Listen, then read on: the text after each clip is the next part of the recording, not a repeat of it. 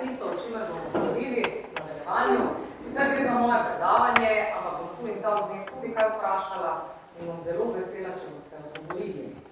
Zdaj pa, ker se spodobi, da se na začetku predstavim, ne glede na to, da je bilo nekaj čisto malega o meni že povedanega, bom jaz to naredila na en malo drugačen način, pa upam, da vam bo všeč. To sem jaz. Ta fotografija je bila profesionalno posneta, tako da če ni čisto identično, kar danes gledate, pa tisto tam izgore, ne, zato je kriva ena dobra fotografinja, slovenska Uša Premik. Uh, in to je fotografija, ki jo največkrat uporabljam, kadar moram poslati nekaj za lastno promocijo, to je zelo javno dogodko, tako v zadnji čas. Samojca Lubanšek Pehant, soustanoviteljica podjetja Retorik, tukaj je druga, soustanoviteljica Polona, moja najboljša prijateljica. In uh, podjetju Retorik zdaj že skoraj 20 let, podjetje samo ni tako staro, prej smo delali uh, na druge načine, se ukvarjava s komunikacijo, z izobraževanjem z področja poslovnega komuniciranja, s treningi, s poročevanjem, vse, kar komunikacija počne ali ne počne oziroma načino, kako nam služi ali pa ne služi v nekih medosebnih odnosih. Sicer sem diplomirana ekonomistka, ki se je odločila iti študirati naprej na magisterij medijske produkcije in novinarstva. Zdaj trenutno sem na polovici specialističnega študija v Beogradu, kjer študiram psihodinamiko organizacij oziroma odnosov organizacije, tako da se zapletene se slišno, da gre samo za to, kako posamezniki vplivamo na skupine in kako skupine delujejo na posameznika. Gre za študij, ki se izvaja po licenci Londonskega inštituta Tavistock, ki velja za najboljši inštitut z področja psihoterapije in psihodinamike na svetu oziroma. Kar se tiče mojega dela, pa kot že rečeno v podjetju Retorik, predtem sem delala v medijih kot napovedovalka, najprej na radiju, potem na televiziji, kasneje sem bila urednica, pa producentka, nekaj časa urednica tudi v tiskanih medijih, sporedno pa sem že začela tudi predavati uh, najprej študentom, zadnjih dobrih deset let pa skoraj da izključno v podjetjih, tako da to sodelovanje s tovarno podjemov, pa nekaj malega zdaj z obrtno zbornico Maribor, je tisto prvo, kjer se spet odpiram nekako zven skupinam, ker je bil izkazan interes, da še komu drugem razredom podjetjih kaj povemo. Uh, in ko govorimo o podjetjih, v katerih smo predavali, lahko vsem, da smo predavali zavarovalnici Filija, na primer, ki je bila, še bila, pa zavarovalnici Maribor, pa potem uh, veliko družinskih podjetij, zdaj od podjetja kot križnikva, COVID-19 kampanja, pa Matjaš, pa še nekaj. Kaj si mislite o meni?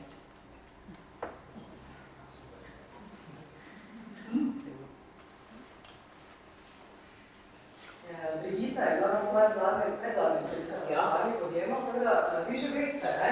Ja. Kaj, kaj se vidi? Ja, vredno reference, ne? fajn izobrazba, super delovne izkušnje, mislim, tako kar fajn se sliši. Ampak ni tako polno, kot se zdi.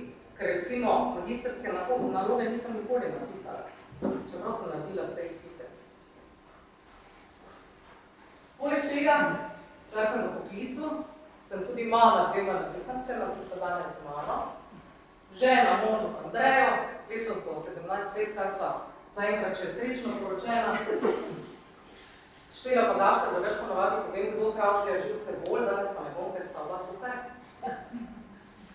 Poleg tega napovedujem, vodim prireditve, to je nek ta stik z mikrofonom, ki ga mi, ki smo kadarkoli v medijih bili, sicer vedno pogrešamo in bolj se nam zdi strašno, pa ko pridemo spet do njega. Eh, in s ponosom lahko povem, da bom letos že tretje leto zapored vodila tudi festival Lenta. Oziroma Folka. Predavam te vloge, da boste danes tudi spoznali.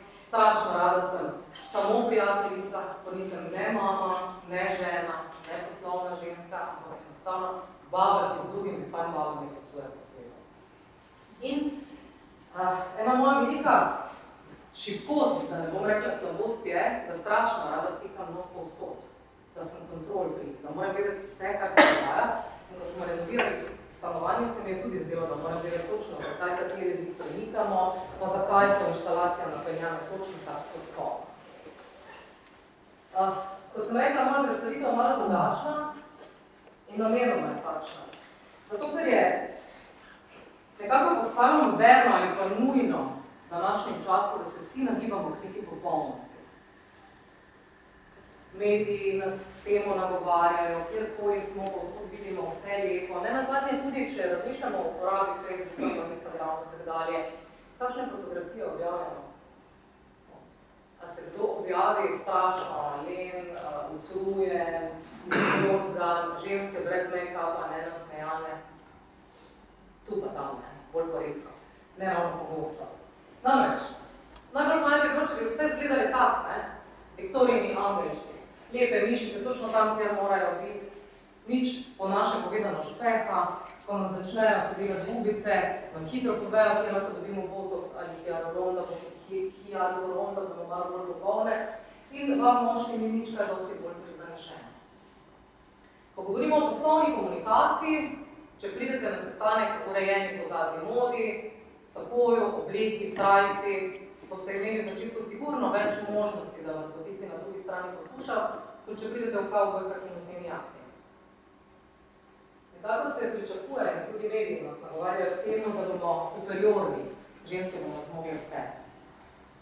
Kuhati kot Alma, vedeti, kakšni so bili rezultati na pometne tekme včeraj, biti najboljše mame, super žene, zvečer voljne za svoje može. In tudi od moški se pričakuje, da boste bolj ali manj supermeni. Pa je res tako? Je realno? Možno tako? Kdo bolj, kada bolj? In enako je komunikacija. Vsi smo ranljivi, ampak to ranljivost v zadnjem obdobju, še bolj kot kadarkoli v zgodovini, skrivamo za štiri stene, ali pisarne, ali pa svojega doma. Pa če se vrnem zdaj nazaj na Facebook, katera objava dobi več všečko? Tako pri zavisti dogodek, objavimo enako fotografijo, pa na eni pripišemo super je bilo, strašno fajn smo se imeli, dobro mi je uspelo, recimo današnje predavanje, kibla je bila polna, ali pa drugi, kjer bom napisala, na, napisana, zmatrana do konca, utrujena, kauč me kliče, ampak fajn je bilo. Kaj mislite? Prva ali druga? Prva. Druga. Ja, največkrat druga. Zakaj? Ker vsi vemo, da smo vsi ranljivi, da ni nikogar, ki bi bil popoln. In če se nekdo razgali, pokaže svojo ranljivost, nam je drugim to všeč. Hkrati pa se spet vsi trudimo biti popolni, pa ne samo v življenju, tudi v komunikaciji. Začela sem na tak način zato, ker ste danes tukaj tisti, ki vas zanima, kakšna komunikacija v poslu je uspešna. Vaša lastna, tudi če naredite da kako napako, če niste popolni v komunikaciji, pa če ste iskreni, vas bodo prej slišali, kot če se boste trudili biti strašansko popolni, vse izpeljati, točno tako, kot piše v učbenikih, hkrati pa ne boste to več bili.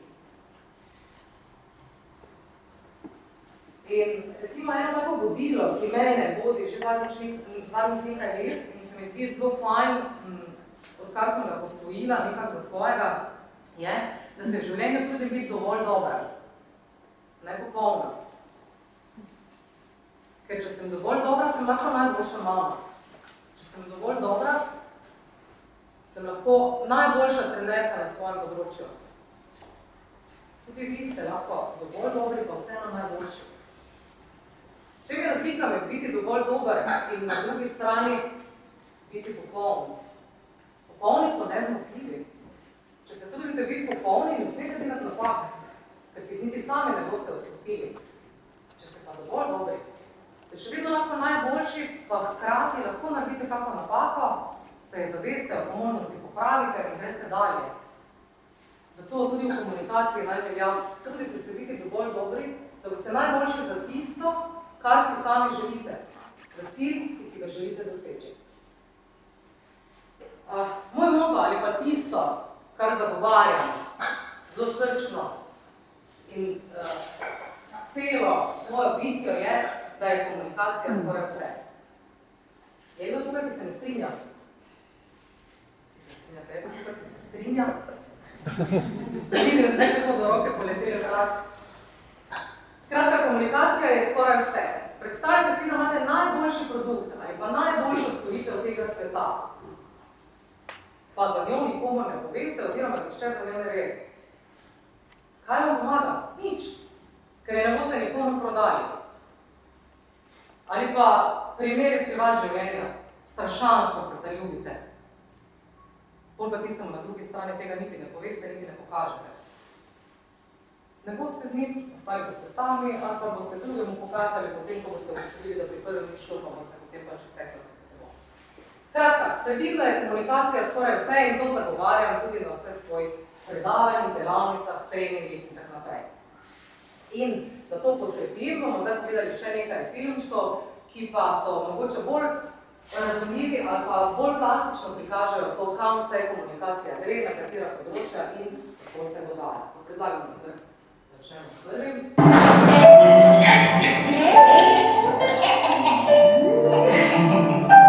Zdaj,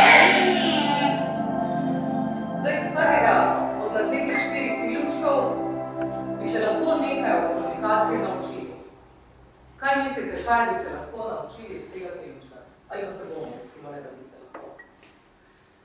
Prvo dejstvo je, da komuniciramo od rojstva čisto od malega komunicirajo. Na kak način pa komunicirajo dojenčki? S čim? A nam povejo? Z jokom, ja. Z jokom, pa tu pa tam malo nekaj vrbotajo, nekaj nam čisto nerazumljivega, ne? Ampak starši, predvsem mame, vedno vemo, kaj je z otrokom in kaj z otrokom ni. Lačen, pokakan, polulan, vse nam sporočijo z jokom in mi to vse razumemo. Na kak način se pa mi pogovarjamo z dojenčki, to, kar smo videli tukaj. Tako da poskušamo posnemati njegove zvoke. Na tak način se želimo prikupiti tistemu malemu bitecu in mu sporočiti, da nismo zelo namerni, da imamo dobre namene, da smo prijazni in ne ime rad. Spet, kakšna je lekcija za poslovno komunikacijo? strokovno to imenujemo zrcaljenje. V praksi pa pomeni, da je vedno dobro posnemati tistega, ki je na drugi strani. Tistega, ki govori, njegov način izražanja, govorenja, neverbalne komunikacije, kaj dela s telesom, ali govori hitro, ali govori počasi, kako se izraža, kako gleda. Bolj kot da bomo znali posnemati, prej nas bo vzel za svojega, prej nam bo zaupal, In če prodajate, prej mu boste prodali. To pomeni, če imate na drugi strani nekoga, ki recimo, da govori precej časi, premišljeno, da se ne odzove takoj na to, kar mu govorite. In če ste vi po naravi, recimo nekdo, ki govori in razmišlja treje, bi mi zdaj počasi odstrgali glavo ali pa odšli, če ne bi to izpadlo nevljubno. Ampak, dejstvo je, da če imate na drugi strani počasnega govorca, vi ste pa nekdo, ki govori hitro, naredite kaj?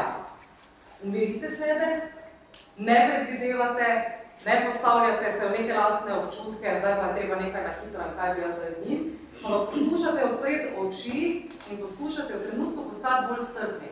Ker mogoče ravno ta človek, ki je na drugi strani, ki govori počasneje, ima za vas neko pomembno informacijo. In predvideva, da nekdo, ki govori počasi, da je nasplošno počasen, je lahko včasih nevarno, zaradi tega, ker tudi počasni ljudje so počasni za zlogom. Nekateri zato, ker so takšni po naravi, drugi zato, ker so premišljeni. Zdaj smo dojenčko, ko še že do počasnih ljudi, da odrasnih. Zdaj je mogoče čas, da se premaknemo do naslednjega filmčka.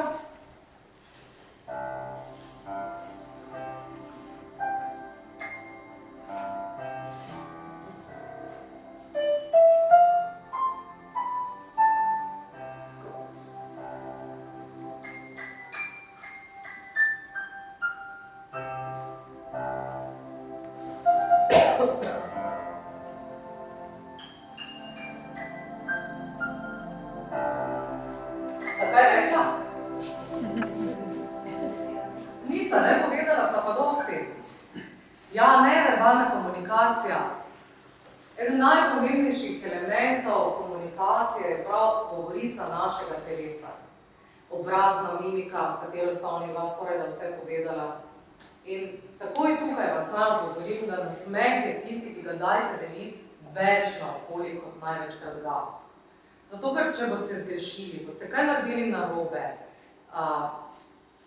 ali se boste zmotili, ali karkoli se vam bo takega zgodilo, če se boste prijazno nasmejali ob tem, je veliko več možnosti, da boste z druge strani dobili prijazen odziv, ali pa da vam bodo neko vašo napako oprostili, kot če tega ne boste naredili. Še nekaj, obraz nas veliko krat izdaja. Vignemo eno obrvo, tisti na drugi strani vidi, da nam nekaj ni všeč, da nam ne paše, da nečesa nismo razumeli. Uh, je gledal, je gledal kdo serijo Life ni lažje, ne? Pa mislite, da je kaj res tam? Ja. Vse, kar se v seriji, eh, v smislu analiz, kar dr. Lightman odkrije, je res, je znanstveno dokazano. Tako da, nekaj malega recimo, da se lahko iz take analize tudi naučimo, če ne drugega, vse to, da je komunikacija tista telesna in tisto, kar počnemo s svojim obrazom, vedno pomembno in da se to izdaja.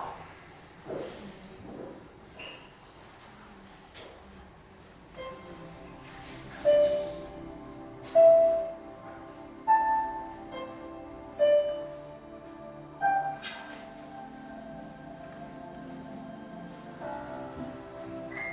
zdaj, kdo, kdo si upa biti dovolj glasni in povedati, kaj bi se naj iz tega ključka naučili, kaj nam sporočajo. Pakiranje je pomembno. Kako? Pakiranje je pomembno. Pakiranje je pomembno, absolutno. Absolutno, vem, da vse ženske soglašamo.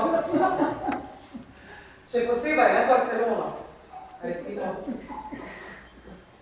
Ne vem, če kdo sledi na Facebooku um, Poloni Požgan, retoriko, pomeni, Joni Polona je danes objavila en post, da je zastala v pisarni in da je sanjala, da potujem v Barcelona, oziroma da potujem, ampak jaz se pač vedno zanjavim.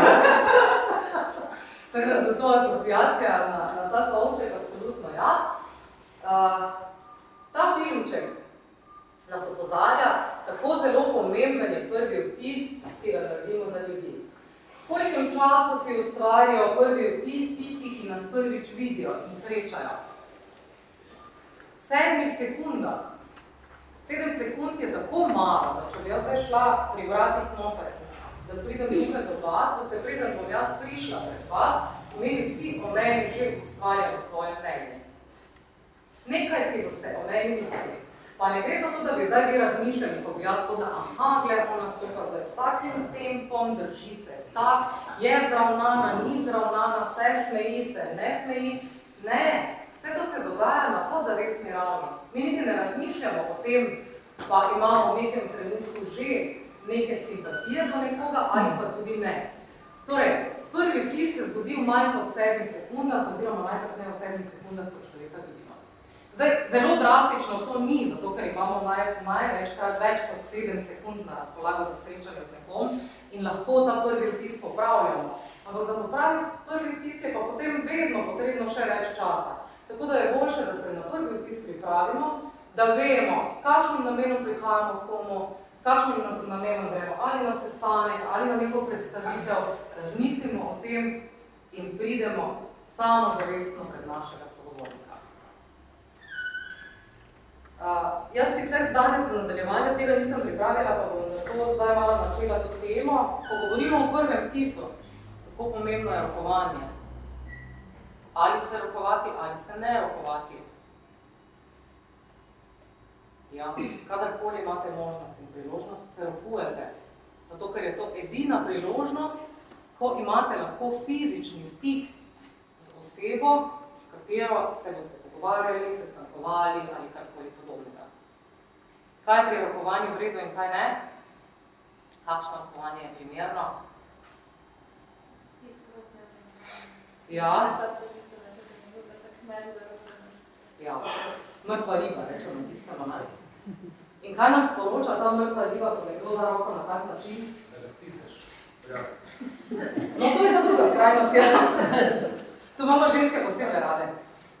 Uh, ta mrtva riba, ne, predstavljate si, ko vam nekdo da tak na mehko roko, da zelo malo ne? To kar stisnete, jaz bom. Ne? Je fajn? Bi se še pogovarjali z mano? Zdaj ste videli prijazno, ne?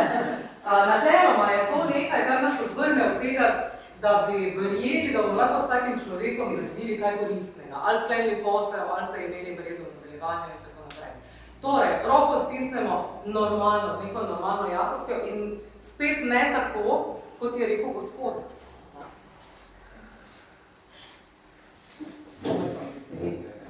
Čisto vredo je, moji členki niso prvičeli in ne obelili, tako da je vredo. Ampak tudi, če nam kdo zelo stisne roko, naredi to zakaj? Največkrat zato, ker bi nam rad pokazal in pokazal, da on je pa iskren, on pa misli resno. Pa ni fajn, ne? ker taka pretirana iskrenost je tudi vrena, že v začetku. Ok, gremo na naslednjega filmčka.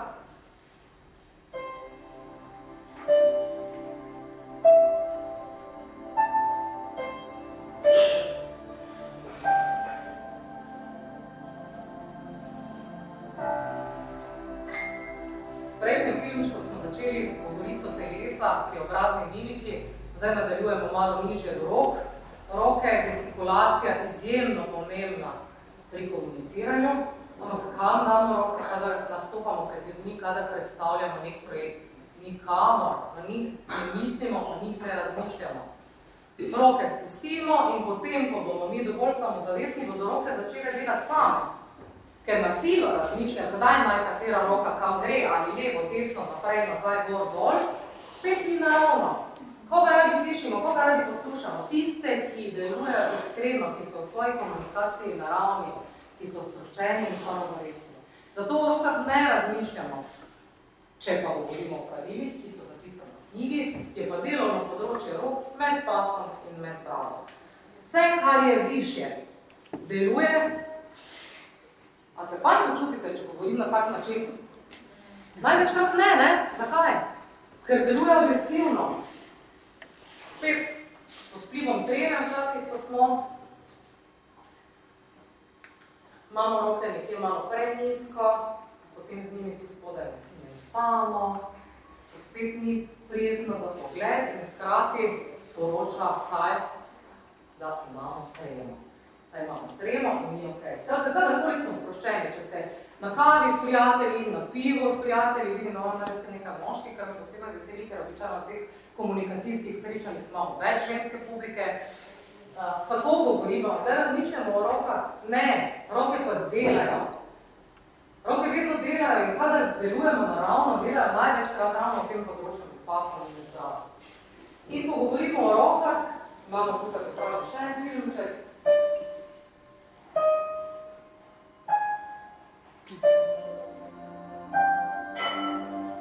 Posebej izpostavljene pri neverbalni komunikaciji so dlani. Razprte dlani pomenijo iskrenost.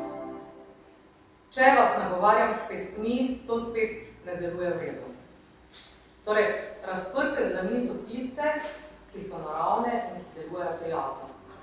Ne kažemo s prstom nikoli na sogovornike, tudi če bi jih pohvalili. Če bi jaz rekla špela, zelo si bila pridna danes v šoli, bi se špela počutila kak? Najbrž ne najboljše. Zaradi tega, ker kakršnokoli kazanje s prstom naj ljudi, tudi če je pozitivna konotacija, ni vredo, ni zaželeno, deluje negativno. Spet govorimo o tem, kako stvari dojemamo na podzavestni ravni. Če koga izpostavljamo, da izpostavimo celo dlanjo, tudi v kolektivu, ko želimo nekoga pohvaliti in izpostaviti, vedno to naredimo s celo dlanjo in najbolj ta dlan. Mogoče okoli, da ni še ena stvar, eno pogosto vprašanje, ki se pojavi na to vrstnih predavanjih je, kam pa z rokami, kadar sedimo, če sedimo pri mizi, kje lahko imamo roke? Roke oziroma dlani morajo biti vedno v vidnem polju vašega sogovornika. Če je pred vami miza, imate roke na mizi, v vidnem polju vašega sogovornika. Če imajo stoli naslon in imate možnost potisniti stol toliko nazaj, da bo sogovornik vaše dlani videl čez mizo, potem jih lahko odložite tudi na naslonjavo. Na sprotnem primeru jih imate na mizi v nekem sproščenem položaju. spet jih nimate danes skupaj, pa znanje naslanjate brade, ne? to ni ok, ker sem izpočil, da ali niste zainteresirani, mm, ali boste vsak čas malo zakinkali, kaj, kaj podobnega. Dobro, prej smo ga že omenjali in naj ga omenim še enkrat. Najpomembnejše sredstvo, ki nam lahko služi v komunikaciji, je nasmeh. Nasmeh je zelo povezan s prijaznostjo, ki jo zagovarjamo. Komunikaciji biti prijazen je ena tistih stvari, ki je dejansko najbolj pomembna. Če smo prijazni, če smo spoštljivi, bomo naleteli na pozitivni odziv. Ni vedno tak in nobena stvar, o kateri danes govorimo, ni vedno točno taka, kot jo predstavljamo. Zato, ker so vedno izjeme, ki delujejo drugače, ki reagirajo drugače, ljudje, ki se enostavno a, tudi obnašajo drugače kot večina in jih sprejemamo drugače. Ampak jaz vam danes govorim o stvarih, ki po večini funkcionirajo. Pri večini ljudi se dobro obnese, če ste z njimi prijazni in če jim podelite na smeh, ga največkrat tudi dobite nazaj. Uh, koliko krat se nasmehne otrok v enem dnevu, da vidim, kdo je prebral teaser za to predavanje. Hm? 400 krat v enem dnevu se nasmehne mali otrok. Koliko krat odrasli? Približno 15. Spet je to odvisno, v kakšni sredini živite, v kakšnem kolektivu delujete. Tisti, ki ste v dobrih kolektivih, kjer so dobri medosebni odnosi, sigurno malo več. Tisti, ki niste, temu primerno malo manj. Ampak, zakaj je nasmeh pomemben? Eno je za gradnjo medosebnih odnosov, drugo pa je, da zato, ker pozitivno vpliva tudi na naše počutje in na naše občutke. Namreč, kadar se smejimo, se tvori hormon serotonin. In serotonin ženske kuri kalorije. To je pomemben podatek. Drugi, ki je pomemben za vse, mogoče še malo bolje, pa ta, da serotonin ubija kortizol. Kortizol pa je hormon? Ja. Torej, več kot se smejimo, več je možnosti, da s tem preženemo stres. In še ena dobra stvar pri smehu je ta, da naše telo ne loči, kdaj se mi smejimo zares, torej kdaj nam je res kaj smešno in se dobro počutimo, in kdaj se smejimo na silo. Tako zdaj recimo, da bi se malo na, smi, na silo vsi skupaj smejali, da se spravimo malo boljšo voljo. Se ga ne bi ampak malo vas pozivam, ker vidim, da smehe, kako? Joga smeha. Ja, joga smeha, absolutno. Ne? Zakaj, zakaj funkcionira? Zato je samo še en dokaz več, da telo očitno odreagira tudi takrat, kadar ga malo prisilimo tega smeha. Dobro, skratka, ne pozabite na nasmeh, namreč komuniciramo tako, kot se počutimo, oziroma tako, kot čutimo. Na zdravje res je. Uh, in kako čutimo? Čutimo pa tako, kot mislimo. Naše misli potencirajo naša čustva. In dobra novica pri tem je, da misli lahko sami izbiramo. Zdaj še en tak podatek, ki je zanimiv, je, da recimo uh, skozi naše misli dnevno potuje okoli 70 tisoč različnih misli in 70 odstotkov teh misli je negativnih. Ko otrok hodi po robu pločnika, ne pomisliš na to, kak fajn, da se uči ravnotežja, ampak pomisliš na to, kaj se bo zgodilo, če pade. Ko uvajaš nov računalniški program v podjetju, razmišljaš največkrat, kdo bo proti, ali bo delovalo, kaj bo šlo na robe, koliko več dela bomo imeli, ne razmišljaš o tem, kakšne koristi nam bo prineslo in kak fajn, da bomo znali nekaj novega. Ampak misli lahko sami spremenjamo, kar pomeni, da če spremenimo misli v pozitivne, če v pozitivni način pogledamo na stvari, potem bomo tudi komunicirali bolj prijazno in bolj pozitivno, bolj pozitivno s tistimi, ki so okoli nas. In moč besed vpliva na naše počutje, naše počutje pa na naše odnose s drugimi. A je bil tukaj, ki je zdaj delal v kolektivu, kjer je imel zraven sebe sodelavca, ki je vedno nedal na tem uh, spet moram jaz, on ne rabi nikoli, ko bom imel večjo plačo, bom, uh, vse oni samo sedijo tam zraven. Ko se človek počuti od takih sodelovcev? Tako se ga počasi začneš na veliko izogibati, če je le priložnost, da ga ne srečaš. Zato, ker je tudi slaba volja nalezljiva. Fajn je vedeti to, da če smo pa dobre volje, potem pa lahko mi vplivamo na to, da se bodo ljudje okoli nas počutili dobro. Bom poskusil, želim si nekaj novega, dajmo skupaj to narediti, potegne zraven tudi ostalo. Verjamem, da ste danes tukaj zbrali taki, ki ste pripravljeni na spremembe, ki si jih želite, ki delujete v tem kontekstu, da se spreminjate. Ker iti poslušati nekoga, ki od katerega področja, pomeni, da imate interes vedeti nekaj novega. In kadar vemo nekaj novega, se spreminjamo na tak način, kot si sami želimo. Namreč dejstvo je, da se ljudje spreminjamo od rojstva do smrti. Vprašanje je samo, kako se bomo spreminjali.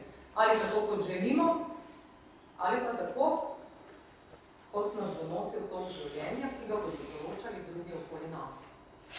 In smo, kar počnemo, odličnost, potem take ni dejanje, ampak navada. Če se prizadevamo biti odlični na vseh področjih, dovolj dobri, da bomo odlični, potem se bomo spreminjali. Vsak dan znova v smeri, ki smo si sami izbrali. Kaj nas pa lahko uh, pri tem uvira? Veste, kdaj sprememo največ odločitev? Da generalno gleda na cela populacija. Prav en datum je, sprememo vsi največ Ja, za novo leto bomo vsi uh, skušali, nehali kaditi, hodili več na fitness, telovali, vstajali bolj zgodaj, peta ura jutranja, ne, se Zdaj je modno o petih zjutraj vstaja, vsi bomo petih vstajali in do devetih bomo rešili svet. In poleg rešujemo svet, kar dolgo? Eno 14 dni? Tam do, do treh tednov že malo, se drži, ne? Zakaj? Zaradi tega, ker vsaka sprememba, vsaka odločitev za spremembo terja akcija. Ja, vse, vse smo v akciji, prvi 14 dni smo še v akciji, ne? To pa nam malo volja mine, malo pridejo nazaj tisti stari miselni vzorci. Bolj na koncu sem šla klin zgledati nekaj knjine več, kaj sem jih decembra, decembra naložil, ne? Uh, ker je lažje. Lažje je ostati v starih vzorcih, kot pa se nagniti nečemu novemu. Strajati pri spremembah. Strajati. Torej za spremembe radimo kaj? Strajnost, akcijo, energijo, voljo, znanje, motivacijo. Ampak samo s tem pridemo naprej. Do tega, da postanemo drugačni, da postanemo boljši, ne glede na to, ali se odločamo za področje komunikacije ali za katerega drugega. In uh, jaz bi zdaj rada se malo zdaj časa ostala pri tem slajdu, zaradi tega, ker se mi zdi, da je vse to lahko zelo tesno povezano s tistim, kar je bilo na prejšnji strani povedano. Torej, z izboljšanjem teh veščin se nagibamo odličnosti in hkrati na drugi strani je zato, da karkoli od tega izboljšamo, potrebno vse tisto, kar smo rekli, že spremimo. Pa gremo lepo po vrsti. Če sem rekla, da je nasmeh tisto, kar nam lahko najbolj služi, kadar smo v neki situaciji komunikacijski, ko nam nekaj najbolj ne gre ali se nam zatakne, potem nas nasmeh reši. Nasmeh je vstopnica za neke redosebne odnose. Če pridemo smejet nekomu, ga pozdravimo, sigurno lažje nadaljevati govor. Ampak jaz mislim, da je poleg nasmeha tista kar enako pomembna veščina v komunikaciji, če ne celo še bolj, poslušanje. Zato, ker veliko krat poslušamo, pa malo krat res slišimo. Ljudje smo bistveno boljši govorci kot poslušalci. Pa bi bilo boljše, če bi bilo obratno. V minuti lahko izgovorimo 150 besed. Tisti, ki posluša, prejme pa tisoč informacij. Razkorak med besedami, ki jih nekdo govori in med informacijami, ki smo jih sposobni predelati v eni minuti, je 850. 850 enot prostora, da nam naše misli nekam uidejo.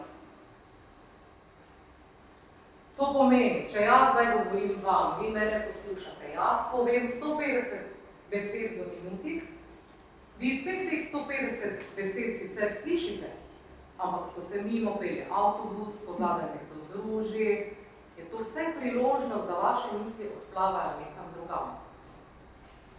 Če imate plane za nocoj, lahko razmišljate potem, recimo, da vas celo jaz kako besedo nagovorim k temu, da vas potegne malo v drugo smer, kaj boste počeli, koliko časa je še do takrat, a se bo to zgodilo točno ali se ne bo. In dober poslušalec zazna ta trenutek, ko mu misli pride nekaj drugega, ne tisto, kar bi nas slišal in poslušal. To je poslušanje veščina. Kaj nam tisto mislijo? Enostavno jo odžene stran in se spet osredotoči na tistega, ki ga posluša. Skratka, da preverimo malo, kak dobri poslušalci ste, In kako moteče je, recimo, če se okoli tebe nekaj dogaja, predlagam, da se obrnete k sosedu in minutko, minutki poveste, kdo ste, kaj delate, kaj vam je všeč, skratka se zelo nakratko predstavite. Po minutki bom jaz rekla stop in se bo predstavljal drugi. Ni pomembno, kako se boste predstavili. Pomembno pa je, da slišite, kako se bomo predstavili tisti drugi. Ok? Imate vsak svojega soseda? Jo. Ok, kar začnimo. Это контакт с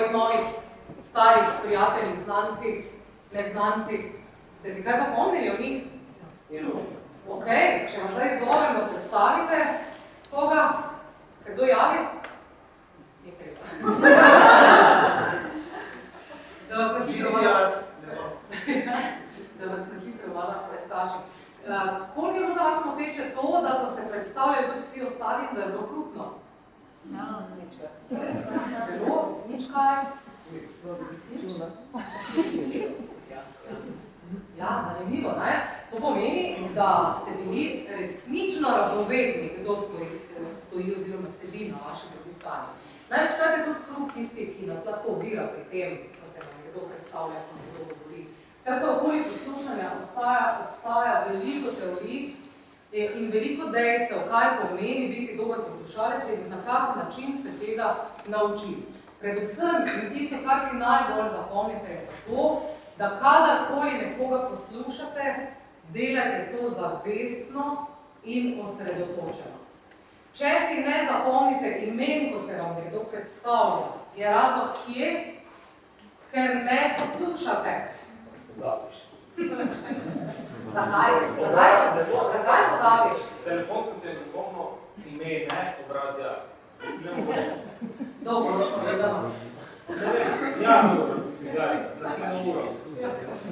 Zakaj? Gledajte, ker uh, bom malo komentirala to, kar sem govorila, namreč, kaj delamo, ko se nekomu predstavljamo? Ali se nekdo predstavlja nam? Največkrat že razmišljamo, kaj bomo povedali mi potem, kako se bo pogovor odvijal dalje, kaj potrebujemo od tega človeka, zakaj je fajn, da ga spoznamo.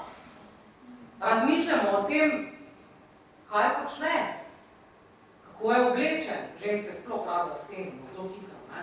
kdo ima obleko po zadnji modi, kdo pa iz kolekcije iz prejšnje, prejšnje kolekcije. No? Skratka, poslušamo z očmi, gledamo, opazujemo, in nam bi misli bega v tisti 850 predalov, ki smo ga prej že omenjali. In največ si zaradi tega ne zapomnimo imen. Jasno, da je lahko tukaj tudi še kak drugi dejavnik, kot recimo to, da spoznate veliko ljudi v kratkem času, veliko novih obrazov in imen, potem je bolj verjetno, da si jih ne bomo zapomnili in tudi bolj normalno.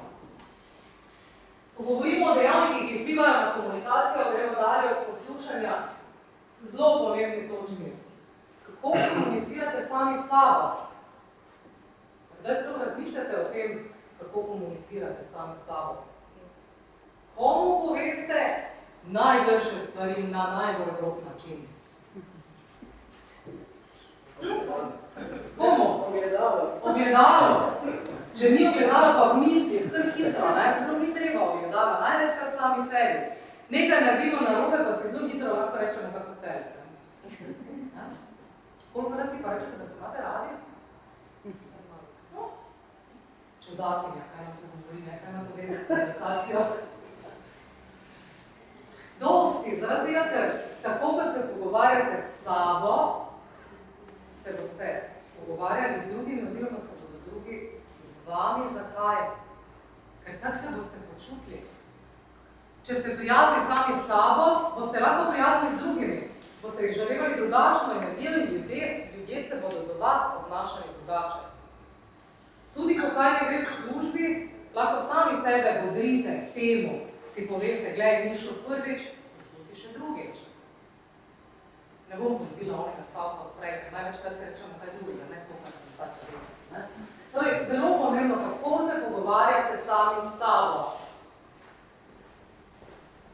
Kako se pogovarjam? kadar sem v interakciji z eno osebo, drugače, kot da treba da pogovarjam s skupino ljudi. Kadar se pogovarjam z eno osebo, pride poštev tudi tisto zrcaljenje, o katerem sem prej govorila. Gledamo sogovornika, da poskušamo na nek način vsaj malo posnemati oziroma se mu približati. Smo se dotočeni, zdržujemo očesni stik. Včasih smo uh, govorili o tem, da kadar poslušamo nekoga, mu je treba dati vedeti, da ga slišimo, je treba prikimavati je treba sedeti zravnano, je treba tu in tam mogoče celo potrditi kaj, z besedami, jasen pogled. Danes pa lahko povem, da čisto vse to pozabite. Zaradi tega, ker če res poslušate, se to itak samo od sebe zgodi. Ni treba razmišljati o tem, aha, zdaj pa je povedala nekaj, s čimer se strinjam, to je moj ima. Ampak se to zgodi spontano, če smo res prisotni v pogovoru. To je, kadar komuniciramo z eno osebo. Kadar nagovarjamo skupino ljudi, tako kot zdaj v mojem primeru, je moja dolžnost kaj? Da vas gledam vse, ki ste v dvorani. Včasih so učili, mojstri retorike, kaj tam naj gledamo.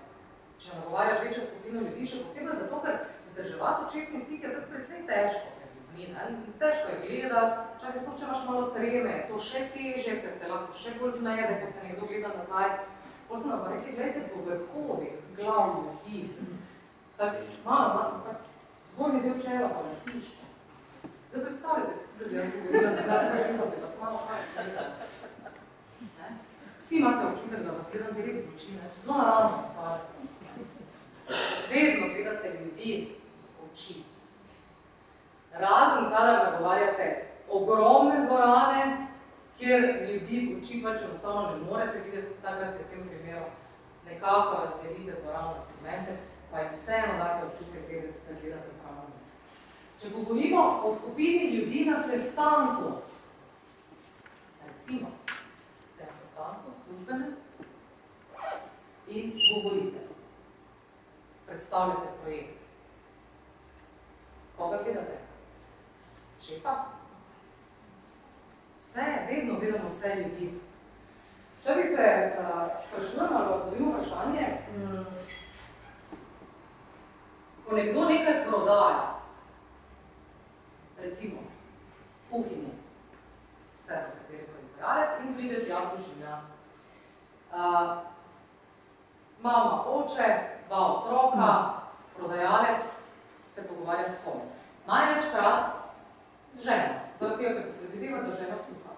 In se jih posveča, nagovarja na njena vprašanja, mož se izrave, otroka tekata, malo nažirata živce temu prodajalcu, ne, tem sta primeru inovirata njegov govor. Kaj je narobe? Narobe je to, da mogoče ta ženska sploh ne kuha. Da kuha mož, da nima nobene veselje do kuhinje in on predvideva, da je ženska tista, ki bo kuhala te. Narobe je tudi to, da ne nagovarja otrok. Zakaj? Ker ko bo ta ista družina se odločala o tem, kje bo kupila kuhinjo, bo poleg vseh ostalih dejavnikov zelo pomembno, kako so se počutili vsi člani družine, ko so izbirali svojo kuhinjo. Zato mora vsak prodajalec vedno nagovarjati vse prisotne.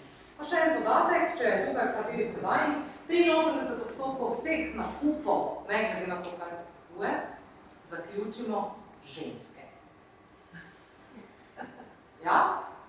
Lahko kupujete avto, lahko izberete vso opremo, lahko se odločite, kateri motor bo imel, katere znamke bo sam barvo, pa ne izpravi. Najmanj to. Tako da, ta ženski vtis, pa ženski vpliv na to, koliko se bo nekaj nečesa prodalo, je izjemno pomembno zato je vedno prav, da dogovarjate tudi ženske takrat, kadar se kupujejo neke bolj moške stvari. Ok, dialog. To smo povedali že tam, ko smo govorili o eni osebi. Predavanje. Tudi tega smo se že dotaknili, ampak mogoče še kakšna malenkost. Včasih je veljalo tudi, da je treba, kadar predavamo, stati zravnano, na mestu, gledati vse ljudi, delati rokami od pasu do brade, ampak predstavljate si, da bi jaz zdaj na tak način uro in pol stala pred vami tukaj na mestu, lepo delala točno tako, kot so včasih zapisali v knjigah, se nikamor premaknila, a je to naravno? A je to simpatično? Tudi ne, ne? Zaradi tega, ker kadar se lahko gibamo po prostoru, ali da si vzamemo to pravico, potem damo celega sebe v to, kar govorimo, potem lahko naše telo govori v celoti. Pogoj za to pa je seveda, da govorimo stvari, ki jih poznamo, ki jih vemo, katere veljavamo. Okolje, prostor.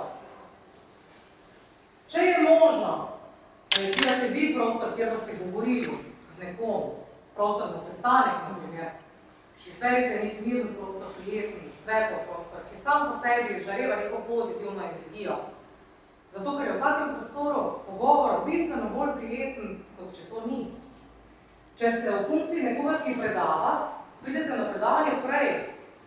Če predstavljate svoje projekte, če je možno, spoznajte prostor, ugotovite, ali ima tehnično opremo, ali je nima, ali ta deluje ali ne, kako bodo sedeži postavljeni. Jaz sem to dan vse naredila, da te mislim, da sem sama sebe negirala, ne? Nič ni bilo na, na mojem zelniku tega, da smo zamujali. Takšna je priložnost.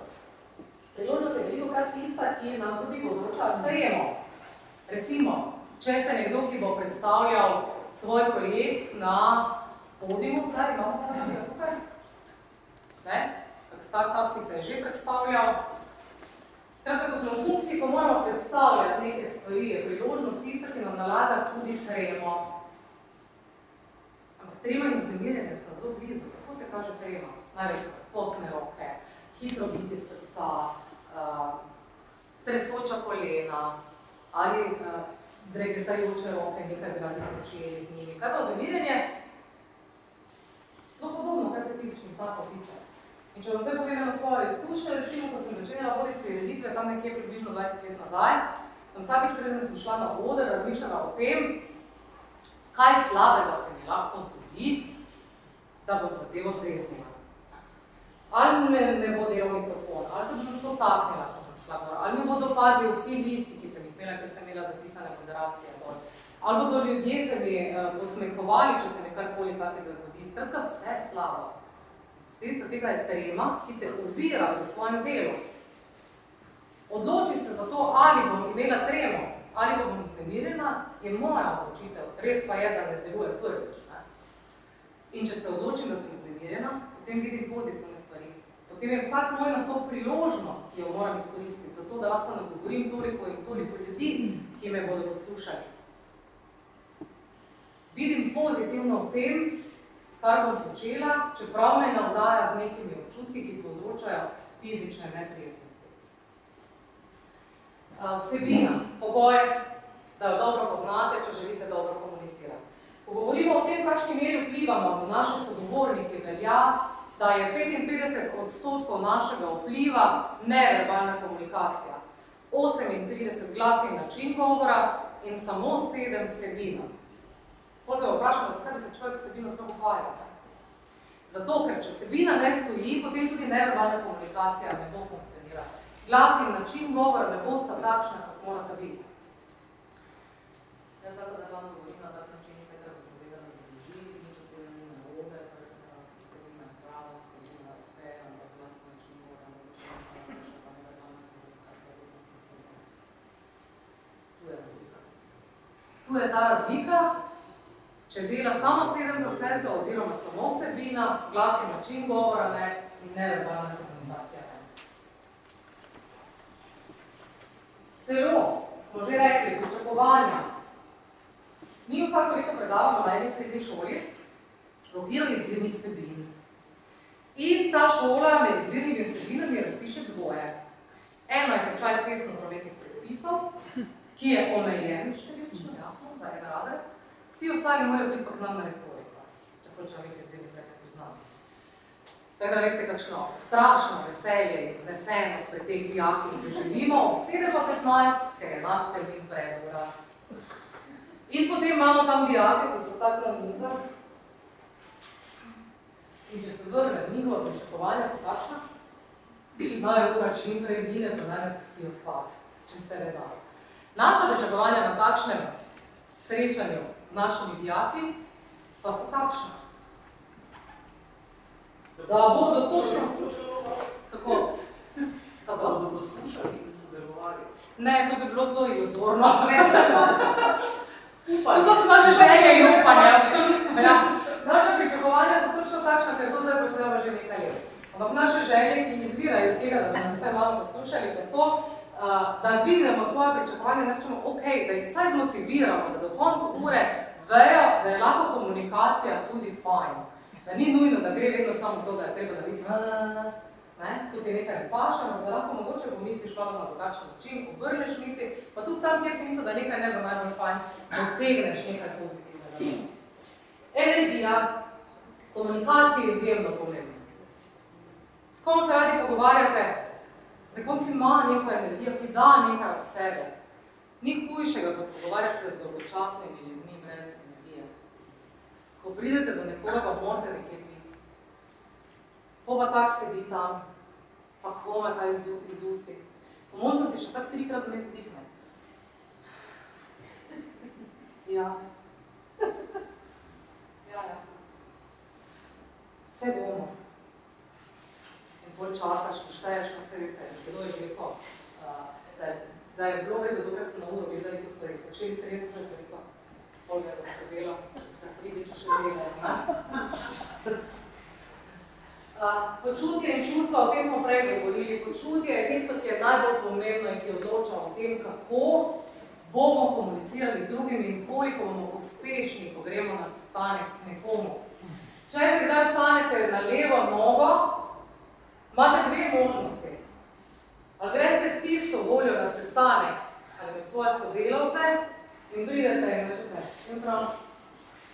Ali pa se odločite, doma, pa se čute, ok, stal sem na levo nogo, ampak moji sodelavci nimajo s tem nič, moj poslovni partner nima s tem nič, noben od njih ni kriv, da se jaz tako počutim, torej izberem, da se bom počutil drugače in da jih ne bom moril svojo slabo voljo. In pridete v službo in rečete, dobro jutro, tako se spodobi, da še komu drugemu prekličete na smeh na glas. Izkušnje. Jasno, večkrat, kot boste govorili, boljše boste govorili, bolj boste samozavestni, več boste največkrat poškodovani. Vrednotenje, včasih so nobene stvari zelo nepomembne. Jaz se recimo se vsakeč znova zalotim, ko me kličejo na telefon za kampanični agenti. Pa se mi zdi, da si kar dobro zapomnim imena, ampak vedno znova po takem telefonskem pogovoru se vprašam, kak je bilo temu agentu ime, pa se čisto vsi predstavljajo. Zato, ker zame to ni pomembno. Vrednotim. Včasih mogoče celo napačno. In predvidevanje. Fajn je, če predvidevate, kdo bo vaša publika, kakšna bo, kaj jih bo zanimalo. Potem je predvidevanje koristno. Največkrat pa ni, ne? Največkrat je pa predvidevanje nekaj, kar nas ovira. Spoznate novega človeka, pa vam povedajo policaje. Mislim, vsi že veste, kak je. Največkrat vemo, pa čudo, predvsem aha. Spoznate novo žensko v neki družbi, pa reče, da je zdravnica. Ima drugačne karakteristike, kot oni policaj prej, ne? Pa še nobene nič ne vemo. Predvidevamo na osnovi nekih ali preteklih izkušenj, ali družbenih norm vzorcev in to je redko, da je koristno. Ima pa močan vpliv na to, kako bomo komunicirali dalje. Če razmišljamo o tisti zdravnici prej, ne? Zdravnike načeloma velja, da so izobraženi, razgledani, po možnosti v življenju lahko še kaj koristijo, torej bomo z njimi takoj zelo prijazni, nekaj bomo poskušali vzpostaviti stik, bolj prijetno se nam pogovarjati z njo kot s policajem. Vse dobro se tudi lahko vizitka, verjetno včasih prav videla, ampak včasih vsaj nekoč je to tak, ne? In trema tudi to smo pa že omenjali. In če se zdaj pridobimo malo bolj poslovno komunikacijo, zaradi katere sem tukaj, ko gre za poslovno komunikacijo, gre vedno za poslovni odnos. Ne samo takrat, kadar se pogovarjamo s poslovnimi partnerji, ampak tudi takrat, kadar gre za komunikacijo znotraj. Marsi kateri direktor vseh starih časih je razmišljen, govoril tako, še po svojih tistih kriznih časih, daj ima srečno, ker ima službo za svojega delavca. Srečno je lahko, ker ima službo, zdaj pa ne dela. Ti časi so seveda mimo, zaradi tega, ker uh, je danes itak več delovnih mest in potreba po delovcih večja. Na drugi strani se pa tudi takrat to ni najbolj splačalo, predvsem zato, ker nihče ne more tako slabo plačati svojega delovca, kot lahko on dela. Ne, to sta dva reka, zdaj, ki smo jih bližje veliko krat deležni. Zakaj pa to govorim? Zaradi tega, ker je izredno pomembno, kako spoštljiv odnos imate tudi s svojimi sodelavci, ne glede na funkcije, ki jih upravljate ali vi ali oni. In če boste spoštljivi drug do drugega, če boste spoštljivo komunicirali en z drugim, boste kot podjetje bistveno bolj. Kadar govorimo o poslovni komunikaciji, gre vedno za izzive povezane s poslom. Če se kdo jezi na vas, če reklamira neko storitev ali produkt in ob tem ne komunicira ustrezno, pomeni kriči, včasih najdemo celo koga, ki uporablja kakve kletvice in tako dalje, se lahko vedno postavite v pozicijo, da to ni namenjeno vam. Niste vi predmet teh kletvic, ampak je to neka njegova težava, s katero se sooča in zna rešiti. In ko pride do take konfliktne situacije, je čisto brez veze tistemu na drugi strani začeti dopovedovati, kaj je res in kaj ni res, ampak ga je treba najprej poslušati do konca. Zato, ker v trenutku adrenalina, ko mi izlivamo svoj gnev na tistega na drugi strani, smo kot fijakarski konj. Mi ne vidimo nič, ne slišimo nič, hočemo povedati svoje in pika. In še ko pridemo do pike, je pametno, da tisti na drugi strani začne govoriti. Da nam pove, da nas razume in od tam dalje lahko rešujemo tiste situacije. Torej, kadarkoli gre za to, neko tako situacijo, niste predmet v svoje napi, ampak je neka težava, s katero se tisti na drugi strani sreča. Ko je poslovna komunikacija, oziroma kadar o njej govorimo, ni nič osebno in hkrati je vse osebno. Če govorimo o tem, da ni nič osebno, se lahko navežem na to, kar sem pravkar povedala. Na drugi strani pa je vse osebno. Bom spet povedala en svoj primer. Jaz sem bila pred leti urednica enega časopisa in novinarji, ki so pisali za ta časopis, so bili izbrani z moje strani. Torej, jaz sem bila tista, ki sem jih poklicala in povabila k temu, da pišejo za ta časopis. Naš šef takrat ni redno izplačeval honorarja, pa niso bili takih časov, se dalo. Vedno znova je zamujal za izplačilom honorarja. In če bi jaz bila v funkciji, da v poslu nič ni osebno, bi enostavno te moje novinarje napotila na direktorja, rekla, gledaj, to ni moja stvar, ne, zdaj mi smo poslovnem odnosu, plačila ima preko uh, direktor, zdaj da se kar na njega obrni. Jaz z vašimi honorarji nimam nič. Jaz skrbim samo za vsebine, določam, kaj bi vi napisali in tako dalje. Ampak to je tudi osebna stvar. In vsi ti novinari so klicali mene in od mene pričakovali, da bom urgirala pri direktorju. In jaz si ne znam predstavljati, da v tistem trenutku ne bi razmišljala o njih in ne bi šla urgirati direktorju, pač pa bi rekla to, kar sem prej rekla. Torej naj grejo pri direktorja sami. Zato je v poslu vedno marsikaj tudi zelo osebno.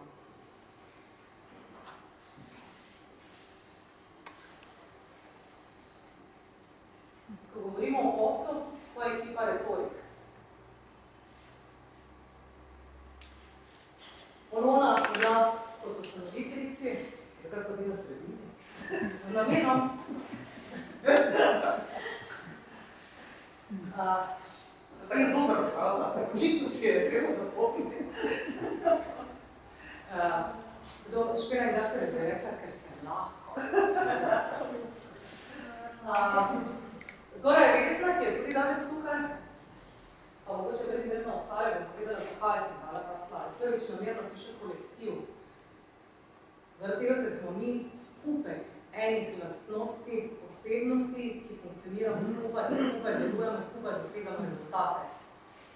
Če sem jaz rekla, da sem nekdo, ki želi vse čas imeti nadzor, ki želi točno vedeti, kam kaj gre, kaj se dogaja, kaj bomo delali v prihodnje, je recimo Polona v tem pogledu, čeprav sem se v marsičem precej drugačna. Ona je tista, ki vleče naprej, ki je vizionarska, ki si upa, ki je pogumna. Jaz sem tista, ki vlečem nazaj in potem nekje na sredini je običajno pravo, gre za neke poslovne odločitve. Potem Vesna, ki je nova v našem kolektivu in brez katere, no, se že leto dni stara, še vedno, še vedno precej nova, uh, je tisto, brez katere si ne znam več predstavljati, da bi retorik funkcionirala. Je včasih prikupno zvedena, kar je nama spolno posebej fajn, ker, ker je bolj lahko včasih malo obračava, pa malo modelirava, po svoje in tako dalje. Skratka, smejana, pozitivna. Potem je tukaj Saša Pap, ki ga poznate iz druge zgodbe po večini. Saša se zdaj ukvarja intenzivno z vini, da ne če rekli, kako dobro vina je pravi naslov, drugače je pa tudi predavatelj v našem podjetju, kriva določena področja. In spodaj Petra Granja, ki skrbi za posebne projekte, z njo sodelujemo projektno. Čisto tukaj, uh, naj, najslabša resolucija je pa od ene deklice, torej fotografije, je pa od deklice, ki se ukvarja s čem, kaj mislite? Slikanje. Kako? Slikanje. Slikanje? Ne, čisto slikanje, me pa res da z digitalno. Ne? Torej, njeno področje je vse, kar se uh, dotika naših spletnih aktivnosti, teh tehničnih pozadij in tako dalje. In kaj je tista, ki se največkrat najraje skriva doma in dela se preko računalnika. Zakaj sem vam vsake povedala par lastnosti? Zaradi tega, ker morate vedeti, da vsaka organizacija, vsak kolektiv je sestavljen iz posameznikov, ki imamo svoje zgodbe, ki imamo svoje interese. In uspešen je lahko samo tisti kolektiv, kjer se ti interesi posameznikov spoštujejo in sprejemajo. Naš skupni imenovalec je ta, da spoštujemo drug drugega, da smo prijazni, da smo pozitivni in da smo energični. Najbolj pomembno je pa to, da spoštljivo komuniciramo drug z drugim. In jaz mislim, oziroma verjamem, sem pripričana, da je uspeh retorika ravno v tem, da smo spoštljivi in da to upoštevamo pri vsakodnevni komunikaciji drug z drugim. Jaz sem sredini, zato ker največ krat se povezujem vedno celoto. Uh, če imam napotka o poslovni komunikaciji, potem pa mogoče za eno kratko obnovo se pomaknem proti zaključku našega srečanja. Skratka, ni vseeno, da se pogovarjaš o pomembnih stvareh in če kje. Ko govorimo o sestankih, uh, smo že prej rekli, da je pomembno izbrati ustrezen prostor, ali pa da je fajn, če imamo to možnost. Še posebej, kadar pa gre za reševanje nekih konfliktnih situacij znotraj kolektiva, če vam nekaj pri nekem sodelavcu ne paša, če vam nekaj ne paša pri nekem poslovnem partnerju. Izberite dislocirano enoto, torej ne vaše pisarne, ne njegove pisarne, ne sejne sobe podjetja. Zaradi tega, ker ima vsak prostor svojo energijo in če pridete vi na moj teren reševati nek problem, imam jaz od zavesti prednost. Zato se pomaknite na neko dislocirano enoto, nekam ven, na neutralni teren, kot temu rečemo, in boste videli, hitreje boste prihajali do nekih pozitivnih zaključkov. In čas. Če ima kdorkoli od vas ali vaju dveh, ki sta pletena neko neprijetno komunikacijsko situacijo ali kakršno koli situacijo in bi jo želeli skomunicirati, tega ne počnite takrat, ko imate gužvo. Ali vi, ali on. Zaradi tega, ker bo človek nervozen, z mislimi povsod druge in ne bo pripravljen slišati, kaj in zakaj vam ne odgovarja pri njegovem načinu dela. Še to mogoče, kadarkoli podajamo kritiko, ne, se veste, kritika je konstruktivna in fajn, da jo dobimo, zaradi tega, ker je to priložno, da napredujemo. Ampak, pomembno je, na kak način se ta kritika poda, ko se izreče. Pomembno je, da razmišljamo o tem, kako jo bomo povedali in da bo usmerjena na dejanje, ne na človeka. Ne sodimo potem, če nekdo nekaj dela počasi, da je len. Pridemo do njega in rečemo, veš kaj, mene pa moti, da si lena. Zakaj? Zato, ker sem jo okarakterizirala. In to ni prav, te pravice nima nihče od nas, da kogarkoli okarakterizira kot kakršnega koli. Lahko pa rečem, glej, zanima me, zakaj vedno znova to in to stvar narediš v roku, ki je daljše od predvidenega. Imaš pa razlog. Pa še ena stvar, komunicirajte iz sebe, kaj vi pričakujete, kaj vi želite z jaz komunikacijo, ne s ti. Reci, naredi to. Reci, želim, da narediš, pa se popolnoma drugače sliši. Drugače je sprejeto. Ne pričakuj, da bodo drugi delali, razmišljali ali komunicirali točno to, ko delaš, razmišljaš ali komuniciraš ti. Mogoče je kdo že slišal za en stavek, ki je po mojem tak zelo zgovoril. Ni res, kar je res. Res je, kar jaz mislim, da je res. Torej, vsak od nas ima svojo resnico, ki je zanj najbolj prava. In veliko krat, ko želimo doseči svoje, drugih sploh ne slišimo z njihovimi slišimo njihovih argumentov. Pričakujemo, da bodo delali, razmišljali in komunicirali na tak način, kot komuniciramo mi. Dajmo odpreti svoje misli, svoje ušesa in slišati, kaj nam ima tisti na drugi strani povedati. Največkrat ima marsikdo kako pametno idejo, ki je lahko celo boljša od naše. In povej večkrat na različne načine. Uh, v enem podjetju, ravno včeraj, ko sem predavala, sem dobila komentar, ja, vse smo že povedali, pa to pogosto slišamo. Vse smo že rekli, pa se nič ni spremenilo. Pa jaz vprašam, ok, komu ste pa povedali? Kako vejo, komu ste povedali? Seveda, koliko krat ste pa povedali? Ja, zadnjič smo povedali, pa ni bilo nič drugače. Povejte večkrat. Povejte na različne načine. Včasih imajo ljudje neke svoje skrbi, delajo svoje stvari, enostavno pozabijo, preslišijo, ni pravi trenutek, založijo elektronsko pošto, karkoli, nekaj, neko informacijo postavijo nekam na stran, se mogoče niti ne spomnijo več, da so jo že slišali, da so dobili. Zato povejte, nič ni narobe, nič ne gnjavite.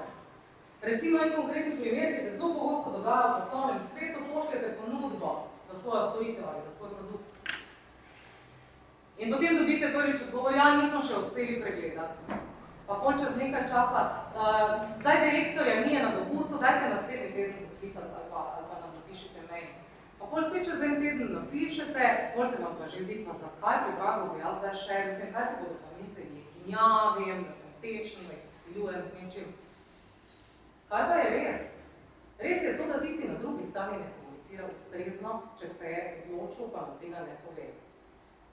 Hiter ne je veliko boljši kot počasno mencanje. Za oba. Pove, da stojite za svojim stališčem, na drugi strani pa tistemu omogoča, da gre naprej, da išče novo stranko, da novemu ponuja svoje storitve ali produkte. In če sem rekla, mogoče v koncu še kratka nova, Na začetku nekje približno smo govorili o tem, da lahko spreminjaš samo sebe. Govorili smo o spremembah in vedno vedite, da lahko spreminjate samo sami sebe in nikogar drugega. Dejstvo pa je, da boste spreminjali samega sebe, vplivali na to, da se bo začela spreminjati tudi okolica. Zakaj? Ker bodo njihove reakcije na vas in na vaše spremenjeno vedenje drugačne. Vaša možnost je tudi, da motivirate ljudi okoli sebe za spremembe da jih navdihnete za to, da tudi oni naredijo en korak naprej, drugače, drugam. Tvoje čustvo in tvoje počutje definirajo, odločajo o tem, kako boš komuniciral ali komuniciral. Če se počutiš dobro, boš lahko to prijazen, boš samozavestni, si boš želel. Če se ne počutiš dobro, če si razočaran, žalostni, se največkrat želiš zapreti nekam, biti sam s sabo, ne iti družbo, kaj šele, da bo komu kaj reči, ali pa celo prepovedati. Za komunikacijo si je potrebno vzeti čas. Dobri vodje, po eni raziskavi, eh, ki je bila narejena v Angliji leta 2016, porabijo za vodenje svojih ljudi, torej tisti, ki so dobili najboljše ocene, 75 odstotkov svojega službenega časa. Za komuniciranje z njimi, kasnega za vodenje, za komuniciranje z njimi. Torej, dobri vodje za komunikacijo s svojimi zaposlenimi porabijo 75 odstotkov svojega delovnega časa. Zato, ker samo na tak način lahko vejo, kakve so potrebe njihovih delovcev, kaj se želijo, kako razmišljajo, kakve so njihove ideje, kaj potrebujejo. Ljudje smo različni in različno komuniciramo. Bodite strpni s tistimi, ki so drugačni od vas, da boste prišli z njimi na isto valovno dolžino in da boste lahko z njimi sodelovali. Zbrano poslušanje in nasvet sta najpomembnejša elementa komunikacije. Zatem stojim in poskusite biti dobri poslušalci ali boljši poslušalci, kot, se, kot ste bili do danes, bolj fokusirani, ko boste videli, koliko več človek sliši, tudi med vrsticami. Ko poslušate, ne samo z ušesi, tudi z očmi in z vašimi očmi. In na zadnje, Trudite se biti dovolj dobri, ne popolni. Ker popolnost ne dopušča napak. Jaz bi na tem mestu dala vam besedo, če imam mnogo vprašanje, kak komentar, kakoli. Nič.